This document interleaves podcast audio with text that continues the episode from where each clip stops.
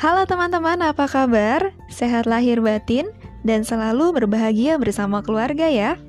Kita ketemu lagi di cerita Intan dan kali ini saya mau berbagi tips memilih buah dan sayuran yang mudah dibawa sebagai bekal yang menyehatkan saat traveling. Oke, kita langsung aja ya. Buah-buahan dan sayuran yang dibawa sebaiknya yang pertama, mengandung banyak air untuk mencegah dehidrasi atau kekurangan cairan. Lalu yang kedua, sebaiknya buah yang tidak perlu dipotong untuk dinikmati, sehingga kita tidak perlu membawa alat potong ya. Nah, ini misalnya seperti buah anggur, apel, pisang, jeruk, wortel, dan juga timun yang kaya akan kandungan airnya pastinya ya.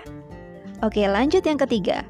Sebaiknya buah yang tidak mengeluarkan bau yang tajam sehingga dapat mengganggu penumpang lain di kendaraan umum atau penghuni lain di penginapan. Nah, ini misalnya seperti durian atau nangka.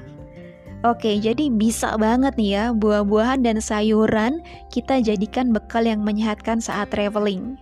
Jadi sambil traveling kita juga bisa sambil jaga pola makan kita pastinya ya.